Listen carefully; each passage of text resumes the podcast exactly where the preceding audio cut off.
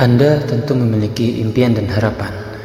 Ketika Anda memutuskan untuk memiliki hal tersebut, maka otomatis Anda pun memutuskan untuk melakukan sebuah perjalanan. Mengapa?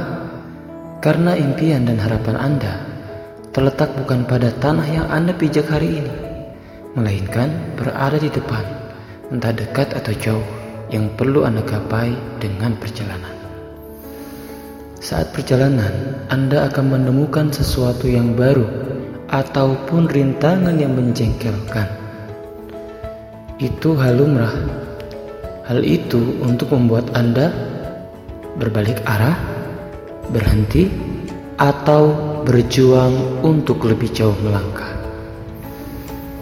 Ingat, impian dan harapan itu nyata adanya di depan hal yang membuat Anda merasa tidak pernah menggapainya karena Anda bisa jadi sudah memutuskan berhenti dalam perjalanan.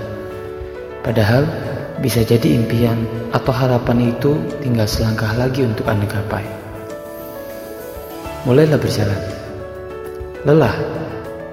Ada saatnya Anda akan beristirahat. Namun, bukan di tempat yang Anda pijak sekarang, melainkan di tempat yang Anda harapkan dan impikan.